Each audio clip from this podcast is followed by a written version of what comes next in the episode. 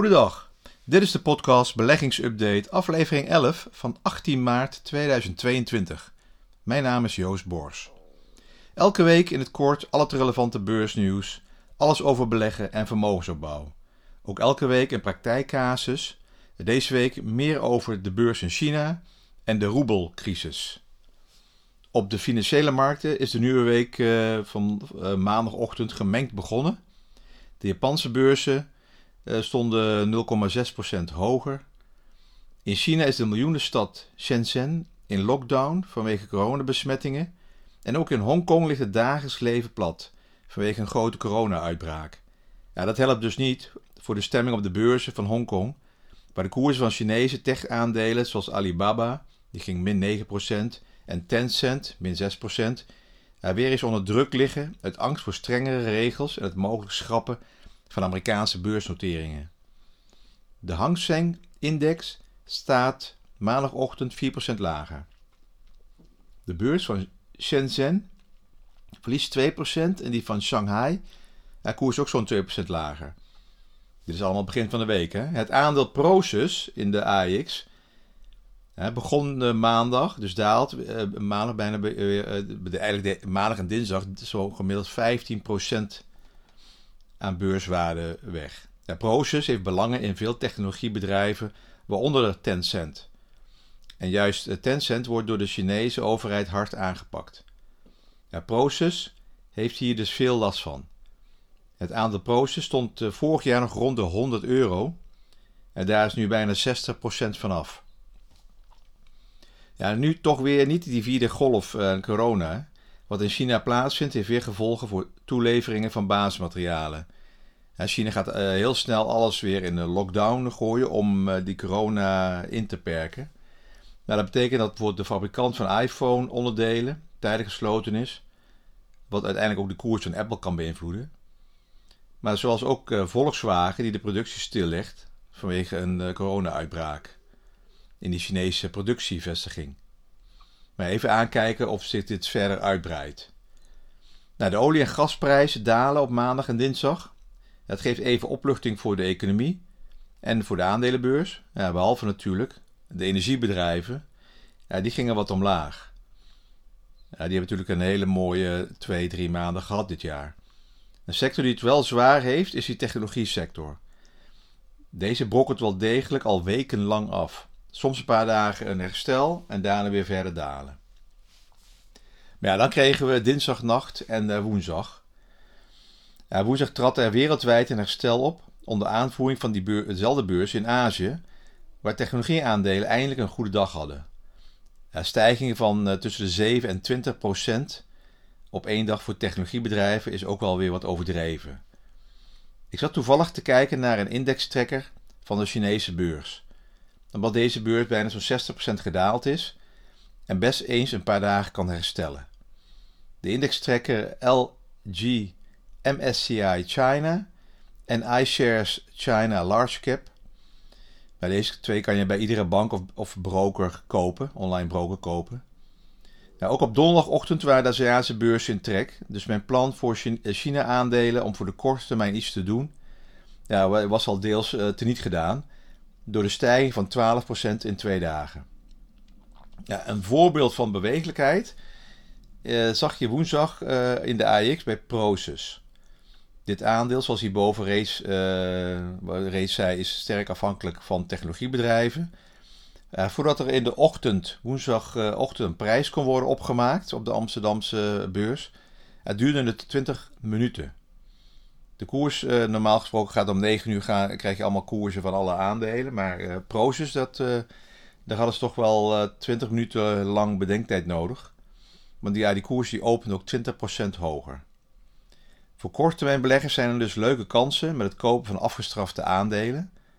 Sommige beleggers handelen op dagbasis, sommige op weekbasis. Dit zorgt ook voor liquiditeit op de aandelenbeurzen. Nou, woensdagavond kwam ook de centrale bank in Amerika met de planning voor de renteverhogingen. De eerste 25 basispunten, of 0,25% verhoging, ging meteen in. En dat er dit jaar nog minimaal 5 zullen volgen, werd aangekondigd. de beurzen zakten in de eerste 15 minuten, dus van 8 uur uh, s s'avonds tot kwart over 8, daalden die Amerikaanse aandelen. Maar daarna kreeg je een herstel en stegen die uh, aandelenindex flink door. Ja, nu het eigenlijk het rentenieuws bekend is, valt er een stuk onzekerheid weg. En beleggers houden dus niet van onzekerheid. Ja, de enige onzekerheid is natuurlijk nu het verloop van de oorlog. Nou, nu iets over die waardering van de Chinese aandelenbeurs. Aan het einde van 2020 was de consensus dat China's aandelenmarkt volgewaardeerd was en misschien wel overgewaardeerd. Na de koersdalingen kan nu het omgekeerde worden beweerd. Chinese aandelen zijn al door de correctie heen gegaan waar de technologie sector op, op beurzen elders in de wereld, zoals die Nasdaq, nu doorheen gaat. De koersdalingen van eh, Chinese aandelen in de afgelopen 6 tot 12 maanden heeft veel Chinese bedrijven van hoge kwaliteit een interessante waardering gegeven. Dit heb ik allemaal van Morningstar, dus dat eh, is niet uh, mijn eigen analyse. Veel van de tegenwind voor die bedrijven is nu aan het verdwijnen of zit al in die koersen ingeprijsd. De Chinese aandelen noteren nu zo'n 35% lager dan Amerikaanse aandelen. De grootste discount sinds de financiële crisis van de jaren 90. De westerse wereld zet zich schrap voor een eh, serie renteverhogingen om de inflatie te beteugelen, maar China lijkt juist die andere kant op te gaan. Monetaire en fiscale verruiming. In China zelf gaan steeds meer stemmen op om meer accommoderend beleid te voeren, dus geld steken in, uh, in, in, sectoren die in problemen zitten, hè, zoals die uh, vastgoed. sector zit erg veel in China. commerciële banken verlagen daar de rente om de huizenmarkt te ondersteunen. Nou, steunmaatregelen van de Chinese centrale bank kunnen ook de aandelen een uh, duw in de rug geven. Nou, China's economie en aandelenmarkt staan er alles bij elkaar goed voor bij de start van het jaar van de tijger. Maar tegen welke prijs? Er zijn nog altijd volop geopolitieke spanningen en de relatie tussen China en de westerse partijen staat onder druk. Dat is een onzekere factor voor beleggers. Ook de rol van Rusland en eventuele toenadering tussen China en Rusland is iets om in de gaten te houden. In de eigen regio roert China zich ten aanzien van Taiwan en Japan in de Pacific en het breidt zijn invloed in Hongkong steeds verder uit, waardoor dat een broeinest van onrust en spanningen blijft. Dat China steeds strakker de teugels aanhaalt ten aanzien van Taiwan, Hongkong en restricties oplegt aan andere landen als er een voorval is, zoals gebeurde met Litouwen, Canada en Australië, is reeds eh, bekend en zichtbaar. Ja, ook op de financiële markt heb je natuurlijk ook te maken met die nieuwe Amerikaanse regelgeving voor bedrijven die een beursnotering in zowel China als eh, Amerika hebben. Veel Chinese bedrijven moeten volgens de Amerikaanse regels uh, zich meer openstellen, transparant zijn en cijfers laten zien. Ja, zich meer openstellen voor inspecties, audits en andere vereisten. Nou, dus eigenlijk is China ook nog niet echt een stabiel beleggingsland. Ja, met hoog risico. Maar je kan ook wel inderdaad uh, best goede rendementen halen. Dus je moet altijd kijken van welk land zit economisch best goed in elkaar. Maar waar is de aandelenmarkt al reeds uh, behoorlijk neerwaarts gegaan. En is er dan weer kans op een herstel. Nou, na China, hoe is het nu eigenlijk met die Russische beurs? En hoe is het dan met Rusland en de invloed op, op uh, op aandelen, de roebelcrisis.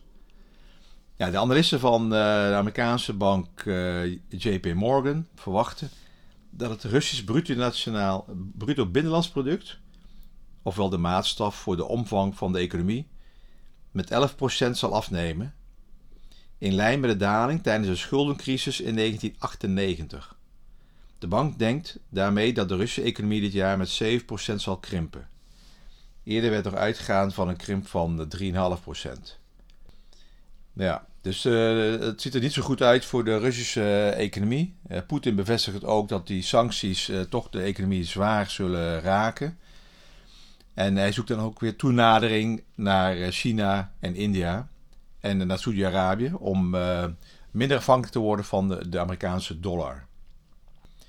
Ja, dus die westerse sancties tegen de Russische centrale bank en de afsluiting van enkele Russische banken van het internationale betalingssysteem SWIFT hebben volgens uh, JP Morgan uh, flink op status opgeworpen voor Rusland om nog olie en gas te verkopen. De sancties zullen een stempel drukken op de Russische economie, die nu op een diepe recessie lijkt af te stevenen.